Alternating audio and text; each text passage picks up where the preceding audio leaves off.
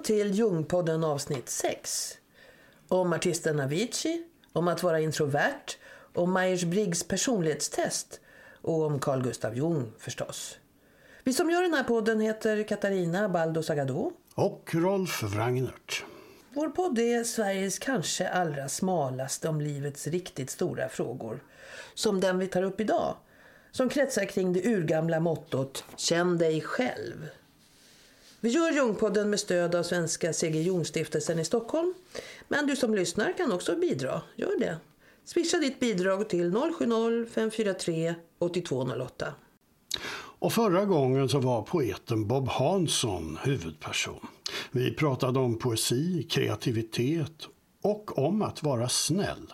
Långsiktigt snäll. Lyssna gärna på det. Ljungpodden finns på Youtube, iTunes, Soundcloud och på baldoreportage.com. Och där finns också det allra första avsnittet där vi berättar om Carl Gustav Jungs eget liv. Och det andra där vi tog upp vår tids längtan efter auktoritära ledare och hur man kan förstå den utifrån Jungs tankar. Men temat idag är den aspekt av Jungs idéer som har haft störst framgång och nått en bred allmänhet över hela världen. Vi talar om Jungs så kallade typologi. Även om det kanske inte är så många som vet att det är just Jung som är upphovet till den. Men om du någon gång har använt orden extrovert och introvert, ja, då har du använt jungiansk terminologi. Och extrovert betyder alltså utåtriktad medan introvert kan översättas med ordet inåtvänd.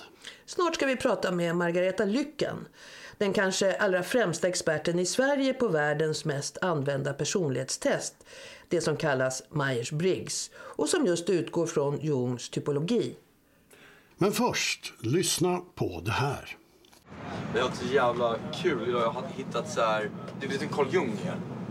Ja, jag känner igen Så här, psyk- gammal psykolog typ. Ja. Han hade ett system med massa olika så här, personlighetstyper. Det är helt stört alltså. Ja, Avicii är lätt att känna igen, eller hur? I dokumentären Avicii, True Stories från 2017 får vi följa Tim Avicii Bergling betydligt bättre och samlar sina låtskrivarvänner för att åka i en egen buss från Los Angeles till Miami.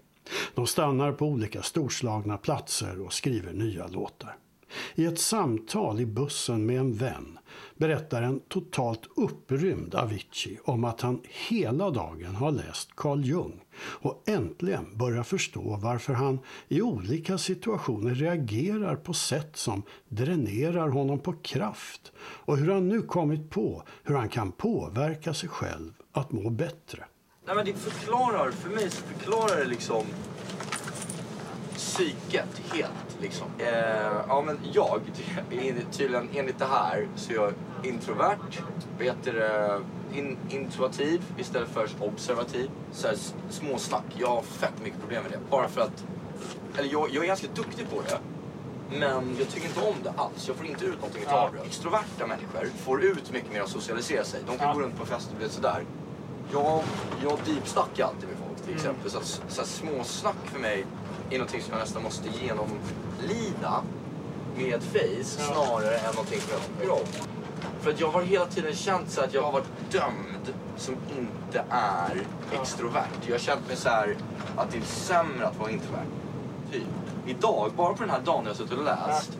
Och jag har ju varit ändå läst runt massa grejer nu där, i alla fall de senaste här, sex månader kanske. Olika grejer. Men Exakt. idag var det sjukt med just det här. That's a breakthrough. Ja, det var verkligen, det var, men det var inte bara ett, utan det var så här flera olika. Ja. Och det var så här, jag förstod äntligen typ varför jag inte ska bry mig om, om vad andra tycker typ. Och det är sådana där grejer, så här, evolutionära steg allting. Så jag har suttit hela dagen och bara pluggat in. Fan vad nice. Och det blir, ja det är så nice, för det är så här, för mig blir det som en sån väg hur jag kan må bra. Ja. Det låter skitnice ju. Carl Jung. Carl, Carl Jung, jävla king alltså. Carl Jung, jävla king alltså. Men vad skrev Carl Jung om de olika personlighetstyperna och vad menas med dem? Och hur kan vi använda oss av kunskapen kring dem? Vilka svårigheter finns det med att vara en populär publik person om man samtidigt är introvert? Och vad är karisma?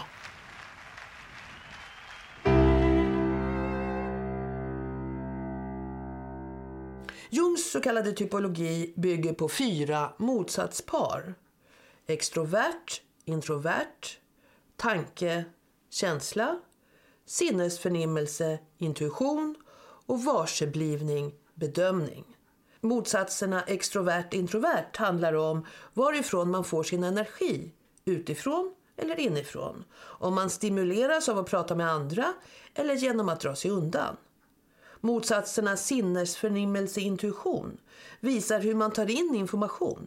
Ser du detaljerna eller ser du helheten? Ser du de enskilda träden eller hela skogen? Motsatserna tanke-känsla handlar om hur du behandlar den information som du tar in. Genom att analysera logiskt eller genom inlevelse. Genom att tänka på lösningen på ett problem eller genom att väga in hur problemet får andra att reagera. Varseblivning kontra bedömning till sist handlar om hur man vill ha det och runt omkring sig, var man trivs bäst.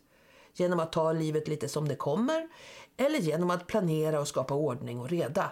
Men ops, inget är bättre eller sämre än någonting annat. De olika förhållningssätten är just det, olika. That's it. Den svenska psykologen Margareta Lycken har arbetat med Jungs psykologi sedan början av 1990-talet.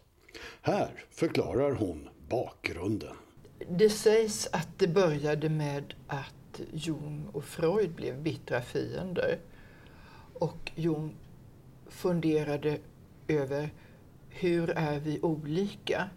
Och han försökte sätta ord på olikheterna mellan honom, eh, Freud och Adler. Och Jung var en person som ägnade sig mycket åt introspektion. Och sen så förde han ut det och, och såg på andra människor. Och sen formulerade han det som kom att bli hans typologi som sedan materialiserades i hans bok Psykologiska typer. Mm. Men Myers-Briggs kallar vi det nu. Varför det? Myers-Briggs är ett personlighetsformulär, eh, inte teorin. Eh, när boken kom ut så var det flera personer som blev intresserade och eh, försökte göra någonting användarvänligt av det, om man kan uttrycka det på det sättet. Och I USA så fanns det en mor och dotter som tog fram det här, det som kom att bli The Myers-Briggs Type Indicator, MBTI. Mm. Och en annan ingång var den som formulerades av ett gift par, Marston, som tog fram DISK, det som har blivit populärt med eh, omgiven av, när böckerna, omgiven av idioter. Och, och ja, just det. Ja, så och det är där två pratar olika man om ingångar. olika färger. Va? Att Olika är, färger. Ja, olika personlighetstyper av olika färger. Ja. Men det grundar sig också på Ja. Jungs grundteori. Ja, det gör det. Ja. Men där, jag har inte satt mig in i det så himla mycket, men det verkar som att där har man klumpat ihop olika saker. Mm. Medan Jung, han skiljer de här olika parametrarna väldigt tydligt från varandra. Mm. Men hur kommer det sig då att Myers-Briggs har blivit, ja man kanske kan säga världens största personlighetstest? Vart och varannat företag använder det när man ska anställa folk och sådär. Var, varför det? Ehm, det är oerhört användbart, men där rättar jag dig. Eh, inte när man anställer folk. För det man får när man fyller i ett typformulär, det finns flera. Även om Myers-Briggs är det vanligaste så finns det flera. Det man får fram det är en kombination av fyra bokstäver som beskriver vilken typ man är. Men det säger ingenting om hur man använder sig av typen. Så jag var med en gång i ett rekryteringsuppdrag där jag hade med Myers-Briggs som ett, en utgångspunkt att prata omkring. Och det var två personer som hade samma typ. Den ena han var, han var en märklig person och eh, han fick inte jobbet. Den andra som hade samma typ tyckte vi jättemycket om. Han fick jobbet. Så att man kan inte använda typologin att separera folk på det sättet. Däremot så kan man se vilken typ av arbetsförhållanden kommer jag att göra mig rättvisa i. Vilken typ av uppgifter. Det finns ju, jag vet att du har sagt att det finns en skillnad mellan Jungs typ, typologi eller personlighetstypen och personlighetsdragen. Kan du förklara det lite grann? Um, när man ska skatta personlighet så är det två spår. Det ena är personlighetsdrag och det andra är personlighetstyp. Och personlighetsdrag beskriver sätt att vara där det är mer eller mindre. Man kan vara mer eller mindre pratsam. Man kan vara mer eller mindre äventyrlig eller generös eller vad det nu är för någonting. Och ofta så finns det något inslag av bättre och sämre. Och eh, som jag uppfattade så är personlighetsdragen mer modifierbara. Mm. Man kan träna bort om man är lite överdriven åt ett, åt ett eller annat håll eller erfarenheter kan göra att man svänger lite grann. Medan personlighetstypen mer verkar vara medfödd och där är det antingen eller, inte mer eller mindre. Så även om man fyller i ett formulär och så hamnar man ungefär på mitten mm. i, i ett sånt här motsatspar, då säger det inte att man är på mitten utan jag skulle säga att man har inte varit speciellt konsekvent när man har fyllt i formuläret.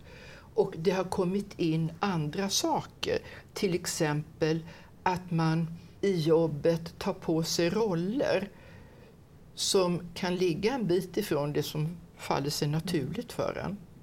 Och då kan, det kan ge utslag. Mm. Plus att ja, det finns en massa saker. Så det man är, det är man, det är det du menar? Jajamän. Ja. Så att jag brukar se det som att typologin är som ett mentalt skelett. Det ändras inte speciellt mycket. Medan personlighetsdragen är som mjukdelarna. Så vi har båda delarna. Mm. Så säg att man har tio personlighetstyper, till exempel ENFP. Och alla dessa tio olika ENFP är tio lätt urskiljbara olika personligheter. De har ENFP i botten mm. och så olika personlighetsdrag ovanpå. Men att vara introvert medan man som Avicii håller på med något utåtriktat är inte så ovanligt som man kanske kan tro. På nätet finns massor av citat från mer eller mindre kända personer som beskriver hur det är att vara introvert. Yoko Ono. Du kanske tycker att jag är liten, men jag har ett universum i mitt huvud. Andy Warhol. Du måste vara ensam för att utveckla alla egenheter som gör en människa intressant. Charles Bukowski. Jag hatar inte folk. Det är bara det att jag mår bättre när de inte är i närheten. Björk. Jag är självtillräcklig. Jag ägnar mycket tid åt att vara på egen hand och jag kan lätt stänga av. Jag kommunicerar 900 procent. Sedan stänger jag av. Och man byter inte personlighetstyp.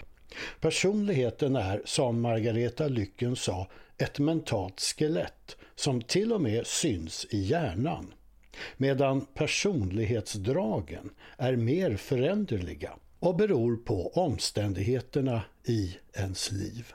Men du har ju sagt också att eh, det numera finns vetenskapliga bevis som tyder på att Jung hade rätt. För många har ju sagt, nej men det här är ju bara hokus pokus. Ja. Ungefär som, som man gör ett, eh, ett horoskop eller så. Ja, precis. Det är vanligt. Ja.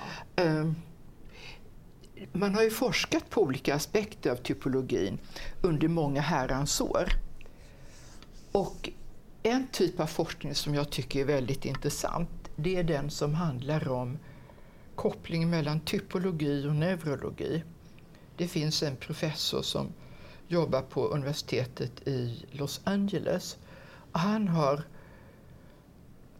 samlat ihop grupper där han har vetat vilka typer de har varit och vilka styrkor de har.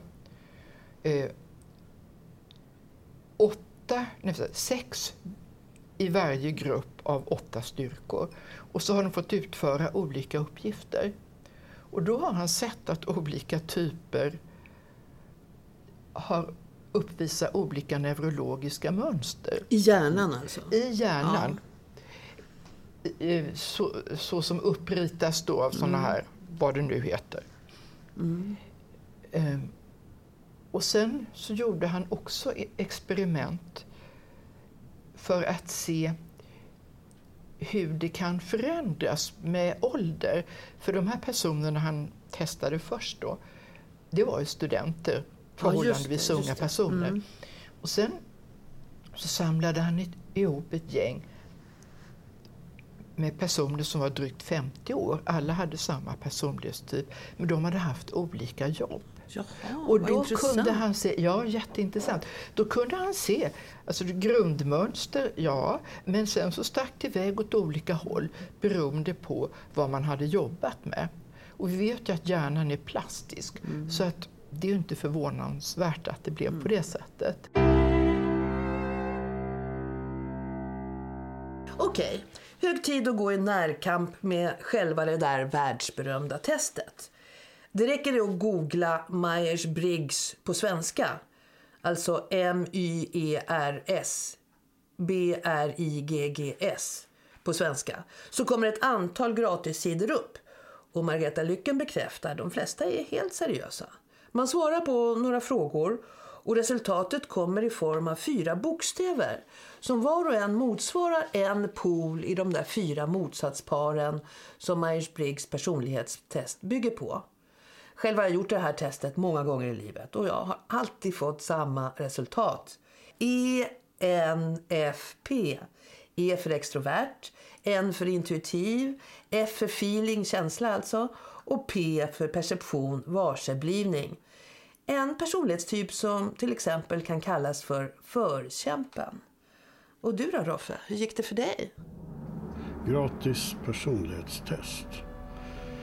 Tre saker du ska veta innan du tar mindre än 12 minuter. Svara ärligt. Okej. Eh.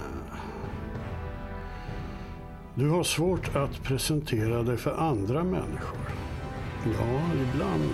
Ja. Jo. Ja, men det är ja, till viss del. Ja, det beror på sammanhanget. Du går ofta i dina egna tankar så att du ignorerar eller glömmer din omgivning.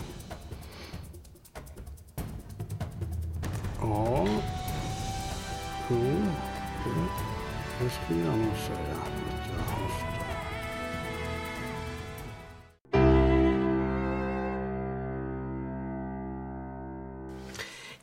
sak är intressant här Roffe, när jag tittar på ditt test här. En viktig sak, och det är ju det här att vi är inte bara det ena och ingenting det andra. Här i ditt test så kommer det ju fram så här att du är extrovert till 57 procent. Det betyder ju att du till 43 procent är introvert. Ja, och jag skulle nog uppskatta mig själv precis tvärtom. Att jag är mer introvert än, än, än extrovert.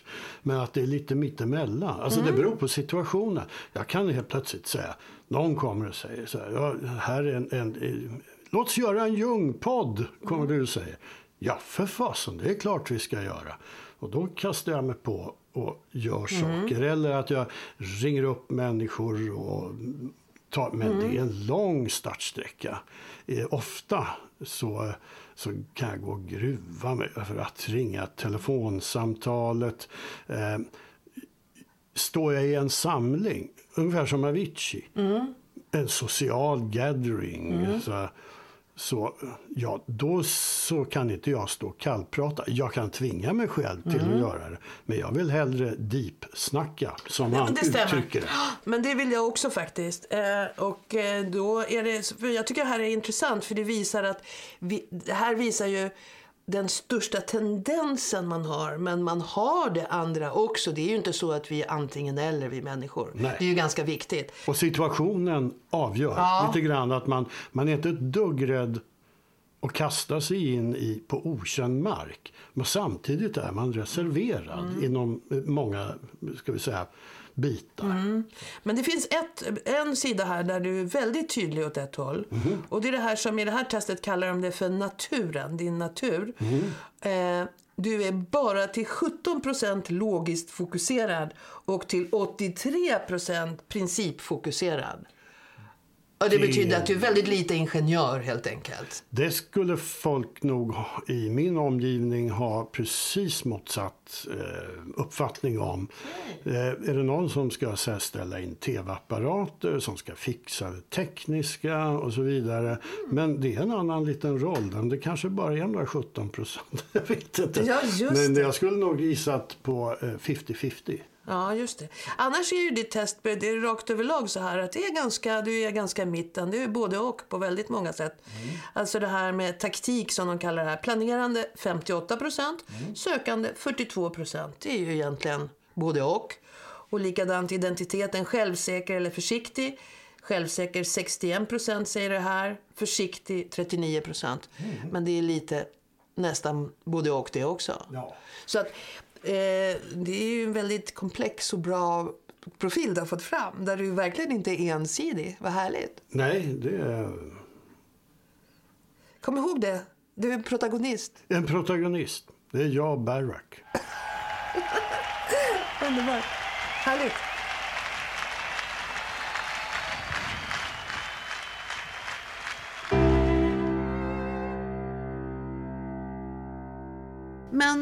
Vad är det för vits att göra ett sånt här test då? då om min typ, den typ jag har, den har jag ju så att säga. Den kommer inte förändras. Vad har jag för glädje av att veta att jag är sån eller sån? När man kan sätta ord på vad som är typiska styrkor hos en så blir det lättare att hantera dem, att lättare att förstå hur andra människor, andra typer kan vara olika en. Och man blir förmodligen också hyggligare mot sig själv. För varje styrka har ju en baksida. Så man har, varje typ har det naturligt starka sidor men också naturligt svaga sidor. Alltså sidor där man får anstränga sig betydligt mer. Ska man anstränga sig för att utveckla de svaga sidorna? Ja, det, eh, de olika parametrarna beskriver, eller är också kopplade till olika aktiviteter och vi behöver kunna använda oss av alla. Och sen beroende på vilken situation man befinner sig i, i livet eller i jobbet så kan man behöva utveckla eh, vissa sidor lite mer. Men om vi går tillbaks till Avicii som är utgångspunkten för vår, det här avsnittet av podden. Då säger ju han i alla fall själv att han är introvert. Ja. Och sen så hamnar han alltså i en väldigt extrovert verksamhet. Offentlighetens mycket starka ljus, det är tusentals människor och sådär. Vad behöver en sån person i en sån liknande situation för att klara sig? Han är ju inte ensam om detta. Det finns ju många skådespelare och många lärare som är introverta. Det går bra så, så länge man ser till att man får mycket tid att vara för sig själv. För är man introvert så har man så mycket som försiggår inuti att om det är för mycket utanför så blir man dränerad och utmattad. Och jag, har träff, jag har jobbat som eh, psykolog på vårdcentraler bland annat och träffat människor som har gått i väggen. Och en del av dem har varit introverta. Samtidigt har de varit relationsorienterade, vilket blir någon slags konflikt.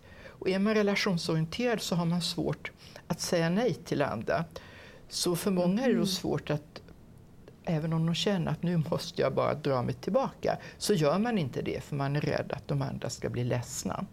Så det räckte inte för Avicii. Han var ju borta från jobbet så att säga under ett år. Men sen verkar ju inte det ha räckt i alla fall.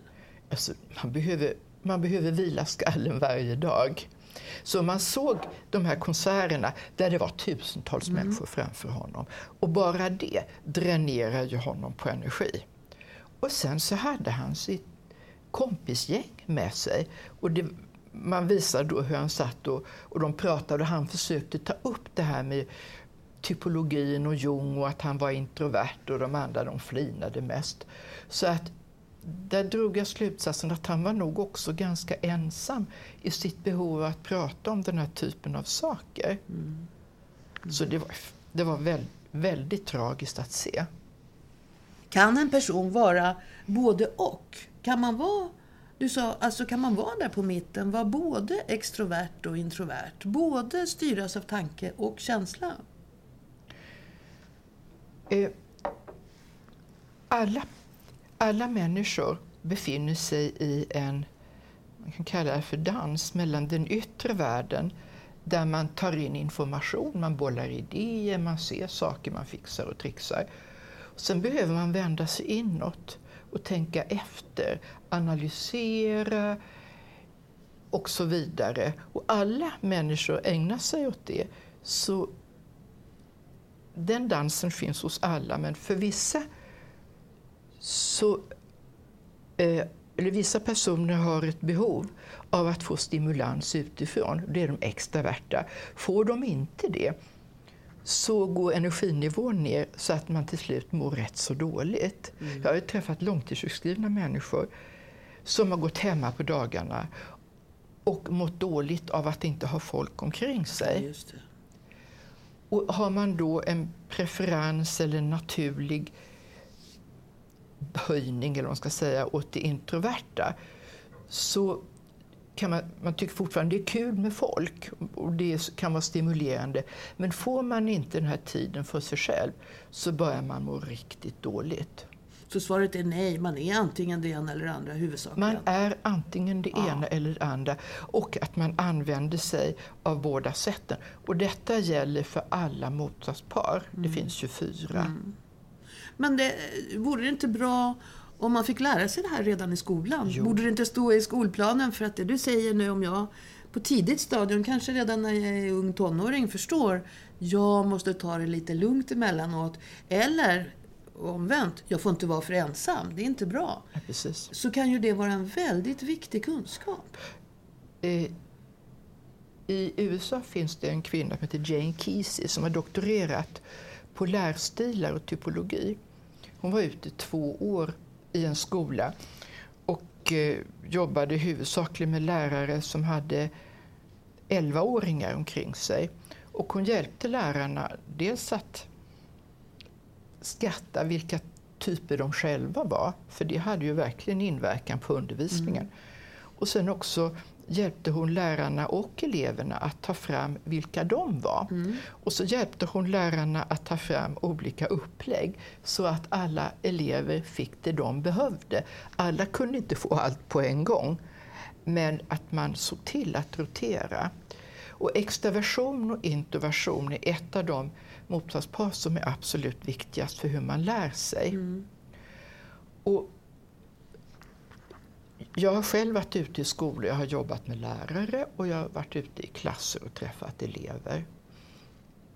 Och sen har jag träffat massor med föräldrar som frustrerat berättar att när de är på de här, vad kallas de, utvecklingssamtal med sina barn hos någon lärare och så har de ett litet introvert barn. Och då säger läraren nästan alltid det här barnet måste lära sig att prata med, ta för sig. Jag känner igen det där, Margareta.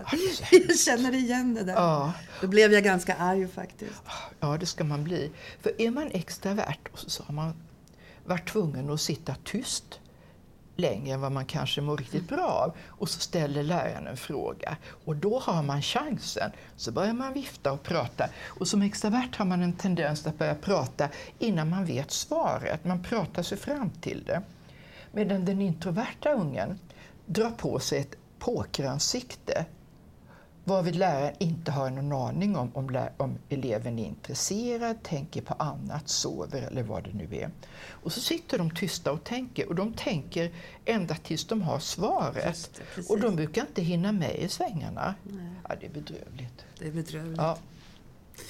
Eh, men det är komplext det här, eller hur? Eh, så att, vad ger du för råd åt den som vill lära känna sig själv lite bättre med hjälp av det här instrumentet?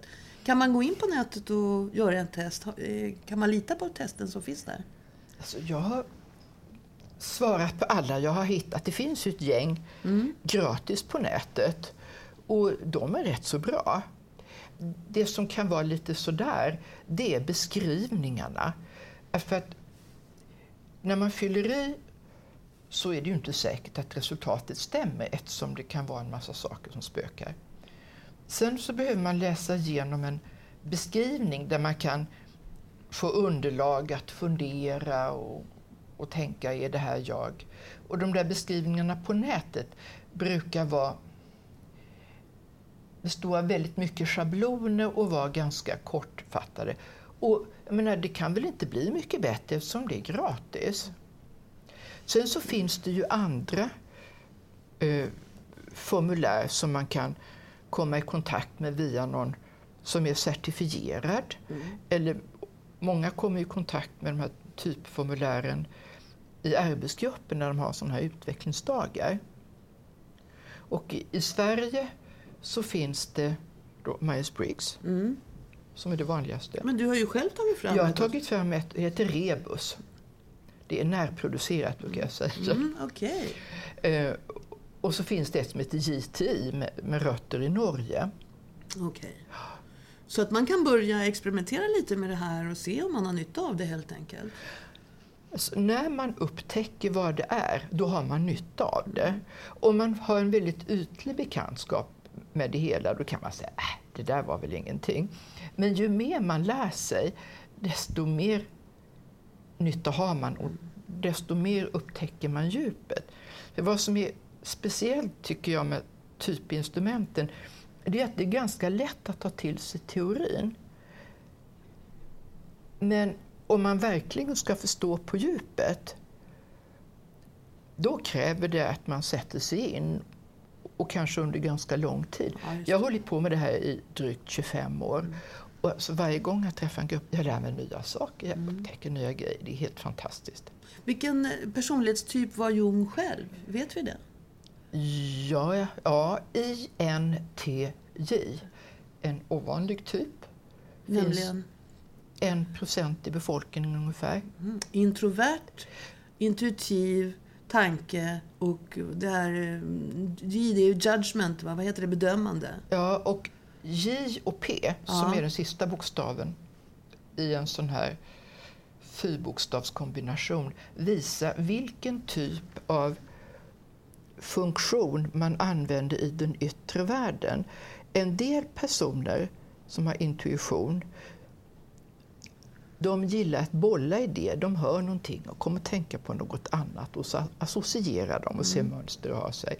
Medan andra, som Jung då, han hade ett J på mm. slutet, mm. det betyder att någonting i det yttre har satt igång en process i det inre med det undermedvetna där man inte riktigt kan skynda på, men man bara vet att något är på gång. Och sen faller bitarna på plats och sen så strukturerar man upp idéerna. Så sådan var Jung. Så att han var mycket mer abstrakt i sitt tänkande. Det var mycket med symbolik, arketyper och sådant som är typiskt för N och J. Mm. Kombinationen N-P som jag själv tillhör. Mm. Jag är mer en, en praktisk teoretiker. Jag gillar sånt jag kan göra något med. Ja, just det. Jag med. Ja, det är en vanlig journalisttyp. Ja. Men eh, man ser kanske det i Jungs eh, böcker, för de är ju ganska svåra ändå. Det tar verkligen tid att förstå vad det är. Man får läsa mening för mening ibland. Ja, ja. För de är så fyllda av... Alltså det är verkligen ingen snabbläsningslitteratur. Nej, jag började läsa psykologiska typer och först så var det ungefär 100 typer, där han, eller 100 sidor där han beskrev extraversion, introversion och kom in på kyrkofäderna och då gav jag upp.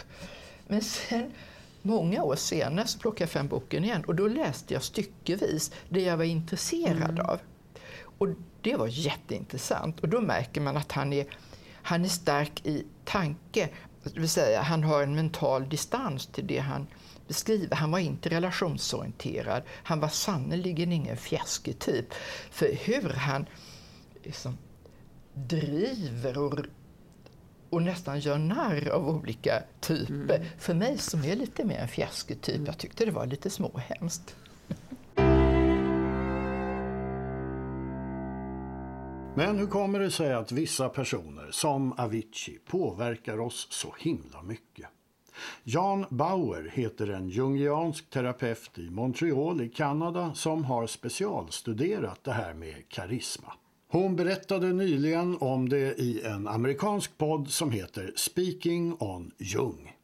charisma, um, by definition, is a gift from the gods, and it is the power to create transformation in others. In others, okay. Yes. And I think that's the important word to remember because it's used in popular language to replace something like sexual magnetism or attractiveness or all of those things. We talk about actors with charisma and we want politicians with charisma. Well, in fact, we don't necessarily. Um, because real charisma is a very powerful force that seems to be a gift, like a musical gift, like a gift for therapy, like a gift for art, that some people have. And it is the gift of being able to inspire and transform other people. And it's quite rare. Karisma är en gåva från gudarna. En makt som gör att man kan förändra andra. I vardagsspråket talar vi om sexuell dragningskraft eller attraktivitet, allt det där. Vi pratar om skådespelare med karisma, vi vill ha politiker med karisma, men sanningen är, säger Jan Bauer, det vill vi nog inte egentligen. För riktig karisma är en mycket kraftfull och tvingande makt som man fått som gåva likt musikalitet, talang för terapi eller konst. Vissa har det bara. Det är därför de är förmögna att inspirera och omvandla andra. Men det är ganska ovanligt.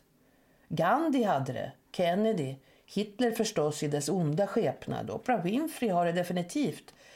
Men det finns också något som kan kallas mjuk karisma. En lärare som påverkar ditt liv. En granne som får oss alla att sortera soporna bättre. Vi har alla, de flesta av oss, varit med om det. The public sphere, someone like Gandhi or Kennedy briefly, um, Hitler, obviously, in the bad way. I would say Oprah Winfrey has it, definitely. Um, it's it's relatively rare, uh, this this ability to really transform. Although there are many forms of it. There's very strong charisma, but there's also what I call soft charisma, and that's the the meeting with people in your life, a professor who changes your life because they inspire you to look into a subject more. We all have had something like that, or most of us. Or a neighbor who inspires everybody to get going and work on recycling more. Uh, you know, there are, also people with charisma in a more local and ordinary way who create transformation. That's why I like to talk about it because it's so misunderstood and it's so powerful. It can be used for great good or for great evil because people who have a lot of charisma are able to actually put others in a state of altered consciousness. I mean, take Jung. He was very charismatic, okay? And a charismatic leader has a mission. En karismatisk person kan alltså förändra medvetandetillståndet hos andra. Så starkt är det. Också Jung hade den här förmågan menar John Bauer. Precis som alla andra karismatiska människor hade han en mission. En totalt uppslukande mission som i hans fall var att undersöka människans omedvetna. Det var just på grund av att Jungs mission var så uppslukande som den inspirerade andra. Även om det inte var vad han sa att han ville. Faktum är att han själv sa tack gode gud, det är jag inte jungian. Men han var verkligen karismatisk. Och han inspirerade väldigt många. Det är ju därför vi sitter här idag. Men han var inte lätt att tas med för sin familj. Han hade också en stor skugga. There are many, many shadow parts of him that come out in um, Blair's book, where you're glad you didn't know him personally, frankly. Elvis Presley, you could say too, he was a transformative figure. Um, and they, they bring something positive to the world, but then they're stuck with all the projections, the expectations. And unless the only protection is cultivating a strong group of friends around, friends and family that keep you in your human dimension. Man kan vara glad att man inte kände Jung personligen, säger Jan Bauer och skrattar till. Men också Elvis Presley hade den där förmågan att omvandla andra. Och med förmågan följer att man blir utsatt för projektioner. Alla de starka omedvetna önskningar och begär som publiken riktar mot den karismatiska människan. Enda möjliga skyddet den karismatiska människan har mot de projektionerna och deras kraft, menar John Bauer, det är att se till att man har en mycket stark grupp av vänner kring sig. Vänner och familj som håller en kvar på jorden. The gods are merciless, you know. They really are merciless. When they give you this kind of gift and you can use it, it's it's so tempting to think it's you. My analyst, Tony Fry in Zurich, was a very great analyst. He told me something quite wonderful that I, I, I want to pass on. He said, he said, well, this was when he was about 55, which at the time seemed elder. he said, it took me about 20 years to understand that when a patient had a really negative transfer on, transference on me, it was in fact behind me. It was a projection. It wasn't really me. He said, but it took me much longer to realize that when a person had a positive transference, it was also behind me. Nej, gudarna har ingen nåd med den karismatiska människan, konstaterar psykoanalytikern Jan Bauer. Kanske gäller det särskilt för den som är mycket ung, som Avicii. Så många andra berömda stjärnor har levt alldeles för korta liv. Marilyn Monroe, Elvis Presley, Michael Jackson, Amy Winehouse, Prince. Listan är lång. För mig blir det som en sån här väg hur jag kan må bra. Ja, det låter skitnice ju. Carl Jung. Carl, Carl Jung, jävla king alltså. Nästa avsnitt av Jungpodden handlar om alla monster och vampyrer som översvämmar populärkulturen. Varför just nu? Vi letar efter svar på den frågan.